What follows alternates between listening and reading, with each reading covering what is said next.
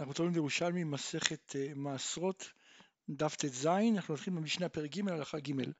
אומרת המשנה, ואיזוהי חצר שהיא חייבת במעשרות. אנחנו יודעים שחצר uh, קובעת למעשרות. איזה, איזה חצר קובעת למעשרות? אז רבי ישמעאל אומר, חצר אצורית שהכלים נשמרים בתוכה. כלומר, חצר כמו שהיה בצור, שהיה בפתח של השומר, ואפילו כלים נשמרים בתוכה. רק חצר כזאת, לפי רבי ישמעאל קובעת למעשרות. רבי עקיבא אומר, כל שאחד פותח ואחד נועל, פתורה. אבל חצר שאדם אחד, אפילו אם אין שומר, בת, שומר בתוכה, אז זה גם כן חייבת. רבי נחמיה אומר, כל שאין אדם בוש מלאכול בתוכה חייבת. כלומר, אפילו אם בחצר של כמה אנשים, אם אדם לא בוש לאכול בתוכה, אז היא חייבת. רבי יוסי אומר, כל שנכנס לאדם מהשוק ואין אומר לו מה אתה מבקש בתוכה פתורה. כן? זאת אומרת, אפילו עם חצר של כמה אנשים, ואפילו אם הוא בוש בתוכה, אבל אם אדם לא יכול להיכנס סתם לחצר בלי שיגידו לו מה אתה עושה בה, אז יהיה חייב. רבי יהודה אומר שתי חצרות זו לפנים מזו, הפנימית חייבת והחיצונה פתורה. בעצם רבי יהודה הוא המשך של רבי, הוא מסביר את רבי עקיבא. כן, הוא מביא דוגמה לדין של רבי עקיבא. רבי עקיבא אומר שחצר ש, אה, של שני אנשים, אז זה כבר פתורה. אז הוא אומר, אם יש לנו חצר בתוך חצר, אז הפנימית היא חייבת כיוון שהיא של יחיד, והחיצונה של שניים, אז היא תהיה פתורה. הגגות פתורים, אף על פי שאין של חצר חייבת. בית שער והאכסדרה ומרפסת, הרי אלו כחצר.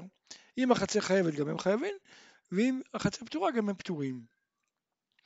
הצריפין והבורגנין, בורגנין זה אה, סככות שבונים כשרוצים לשמור על הכרמים, אליקטיות זה מעין אה, אה, צריף, מעין סככות או צריפים שבונים בקיץ, שרוצים לישון בשדות בגלל האוויר, אז הם פטורים.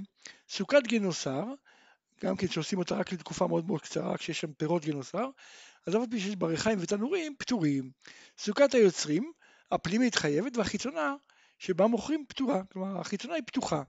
כן, כולם נכנסים, כל אחד יכול להיכנס. הפנימית, שם שומרים את מה שרוצים, את הכלים וכדומה, אז היא חייבת. רבי יוסי אומר, כל שאינה דירת החמה ודירת הגשמים פתורה, כלומר אם זו לא דירה קבועה גם בקיץ גם בחורף, אז אה, היא פתורה. סוכת החג בחג, רבי יהודה מחייב, כי הוא, הוא טוען שבסוכות צריך דירת קבע, למרות שזה סוכה רק לשבעה ימים, אבל צריך שהיא תהיה דירת קבע, ואילו חכמים פותרים, כי הם אומרים שבעצם הסוכה זה דירת ארעי. אומרת הגמרא, למדנו במשנה איזה חצר. נתן רבי ישמעאל אומר, כל אשר שומר יושב, יושב, יושב על פתחה ומשמרה, כן, כמו שבצור, אז זה בעצם אה, חצר המשתמרת שקובעת למעשרות. אמר רבי שמואל בר נחמן בשם רבי נתן, כולאון מן הבית למדו. כלומר, כל הדינים האלה של, של חצר שתהיה חייבת, למדו את זה מבית. מניין שבית טובל דבר תורה, שנאמר ביארתי הקודש מן הבית. אז מה בית משתמר, אף חצר משתמרת, לכן צריך שהיא תהיה משתמרת, השאלה עד כמה. אומרת הגמרא, שמעון קומר רבי יוחנן, כלומר שמרו שנאמר לפני רבי יוחנן, דאמר לו הלכה כדברי כולו להחמיר. כן, כלומר כל הדעות שראינו, כן, שאם יש שומר אז אפילו הוא מתבייש, אם, אה, אם אה, רק, רק שאדם אחד אפילו בלי שומר, אה, אם החצר הזאת היא של כמה אנשים והוא לא מתבייש, כן, כל, כל הדינים תמיד לחומה, כן, וחצר כזאת, לא משנה מה, מה התנאי של החצר, אם אחד מהתנאים מתקיים בה, אז זה כבר קובעת למעשרות. ככה שמעו בשם רבי יוחנן. שואלת הגמרא, אז למה לא אמרו את זה בשמו? כן? ולמה אמרינן שמעין, שמעון קומר רבי יוחנן ולא אמרינן בשמי? להגמרא, כיוון שיש שמועה אחרת שסותרת את השמועה הזאת, במשך אנחנו נראה שיש איזו שמועה שכאילו כביכול רבי יוחנן פסק כמו רבי עקיבא. אז לכן לא אמרו ששמעו קמר, לכן, לכן, לכן אמרו שמעו קמר רבי יוחנן, כשלא תהיה מילתא דרבי יוחנן פליגה על מילתא, כן, שלא יהיה סתירה בין הדברים.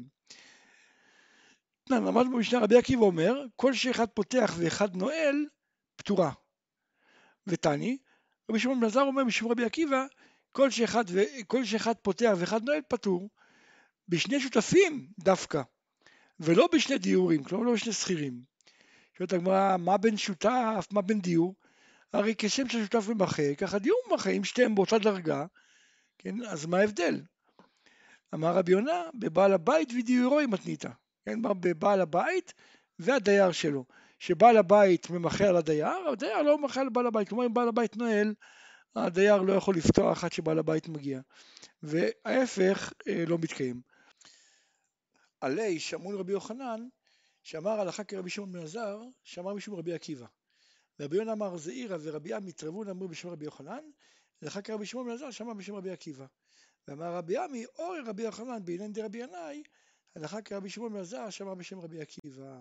זה בעצם השמועה השנייה שנאמרה בשם רבי יוחנן, שהיא סותרת הקודמת. כי פה נאמר שהלכה כרבי עקיבא, ובמשנה, בשמועה הקודמת נאמר שהלכה כדברי כולם להחמיר. לכן אמרו, אה, שמעו בשם רבי יוחנן, כדי שלא יהיה סתירה. אמרת הגמרא, למדנו במשנה, רבי יהודה אומר שתי חצרות זו לפנים מזו. הפנימית חייבת והחיצונה פתורה. רבי בון ברכי אביי קמא רבי זרע. לכאורה מה בא רבי יהודה להוסיף על דברי רבי עקיבא? כן, הרי זה בדיוק התוצאה של דברי רבי עקיבא. רבי עקיבא אומר שאם יש חצר של שניים, שאחד פותח ואחד סוגר, או אחד סוגר ואחד פותח, אז היא, היא לא קובעת למעשרות, כן? וגם כאן, שיש חצר בתוך חצר, אז הרי בגלל שהחצר החיצונה יש רשות לשני הדיירים לפתוח ולסגור, לכן החצר החיצונה פתורה. החצר הפנימית רק לאחד מותר, לכן היא חייבת. אז זה בדיוק תוצאה של הדברים שלו. אז מה רבי, מה רבי יהודה בא להוסיף על דברי רבי עקיבא? אמר לו לא כלום. באמת רבי יהודה רק הביא דוגמה. למדנו במשנה, הגגות פטורין, אף על פי שאין שחצר חייבת. אמר רבי אלעזר, אפילו לגג מבוצר באוויר חצר מארבע ארוחות עם מתניתין. כן, כלומר אפילו אם הגג מוקף מכל הכיוונים בחצר, כן, שחייבת, אף על פי כן הגג פטור. שואלת הגמרא, אם זה ככה, מכיוון שהעבירן דרך חצר לא נטבלו? הרי אם זה ככה, אם זה מוקף מכל הכיוונים, הרי הוא חייב להעביר, כדי להגיע לגג, הוא חייב לעבור דרך החצר. כן, אז החצר עצמה היא חצר שקובעת, אז למה איך, זו, איך הפירות לא נטבלו? ואת הגמרא תיפטר, או כרבי יוסף ברבי יהודה, שסובר שהמעביר לגג דרך חצר פטור, או כרבי שהוא סובר שחצר לא קובעת בפירות שלא נגמרה מלאכתן. וכאן נגיד שמדובר שהיה בדעתה לעשות, אותם מוקצה, ואז הוא עבר דרך החצר, זה לא קבע, העלה אותם לגג, ואז נמלח לעשות אותם, לאכול אותם כמו שהם. לגג, אז, אז בעצם נגמרה מלאכתם, וכיוון שהגג עצמו לא קובע, יכול לאכול מהן ארעי. אמר רבי אבין, והוא שיהיה בגג ארבע על ארבע, שאם לא כן, אז הוא בטל לחצר. כי כן, מה, מה הבית אינו טובל עד שיהיה בו ארבע על ארבע? אז גם הגג אינו פותר עד שיהיה בו על ארבע על ארבע. איפה ראינו את זה? דתני, בית שאין בו ארבע על ארבע אמות, פטור מן המזוזה ומן המעקה ומן העירוב, ואינו טובל למעשרות, ואין עושים אותו חיבור לעיר. אנחנו יודעים שאם אה, יש מבנה שהוא במרחק של 70 אהבה ושיריים לעיר, אז הוא מצטרף לעיר ואת העיר מודדים ממנו. כן, אז דווקא אם יש שם ארבע על ארבע, פחות מזה הוא לא נחשב. והנודע מן הבית, מותר להישב בו, ונותנים לו ארבע אמות לפני פתחו, כן, כשמחלקים את החצר, אז כל פתח מקבל ארבע אמות, ואחרי זה מחלקים את שאר החצר. אז בית כזה שאין בו ארבע אמות, הוא לא מקבל גם פתח לחצר. ואין צמית ביובל כמו בית עיר חומה, הרי בית עיר חומה, אה, אז הוא בעצם הוא, הוא נצמת, כן? כלומר הוא הופך להיות לצמיתות לקונה, אבל אה, אה, בית כזה שאין בו ארבע אמות הוא נחשב כמו שדה שהוא בעצם חוזר ביובל ואינו מטמא בנגעים, כלומר אין בו נגע צרת, כי נגע צרת זה רק בבית ואין לו דין של בית ואין הבעלים חוזרים עליו מאורחי מלחמה כי זה לא בית. באמת הגמרא למדנו במשנה הצריפין והבורגנים ולקטיות פטורים. שואלת הגמרא מהו שהתבלו לבעל הבורגנים כן, כלומר, אדם אחר שרק הולך לשם, לישון שם מדי פעם, אז אני מבין שזה לא יטבול. או אדם ששומר שם קבוע, זה הבית שלו. אז האם זה יקבע או לא? אז אומרת הגמרא, מלמד דתני בית ספר ובית תלמוד טובלים למלמד ספר ולמלמד משנה, אבל לא לאחרים, הדאמרה שהם טובלים בעל הבורגנים. כלומר, כיוון שלמלמד ישן שם, זה הבית שלו, אז לגביו זה נקרא בית ולכן זה אה, קובע למעשרות, ולאחרים לא. אז גם בבורגנין אותו דבר. שואלת הגמרא, על איזה בית אמרו שהוא טובל? רבי אומר, ארבע אמות, אף על פי שאין שם ארבע דפנות, רבי שמעון אומר, ארבע דפנות, אף על פי שאין שם ארבע אמות. רבי יוסי אומר, ארבע אמות וארבע דפנות. למדנו במשנה סוכת החג בחג, רבי יהודה מחייב. וכן היה רבי יהודה מחייב במזוזה, כן, כי הוא סובר שסוכה זה דירת קבע.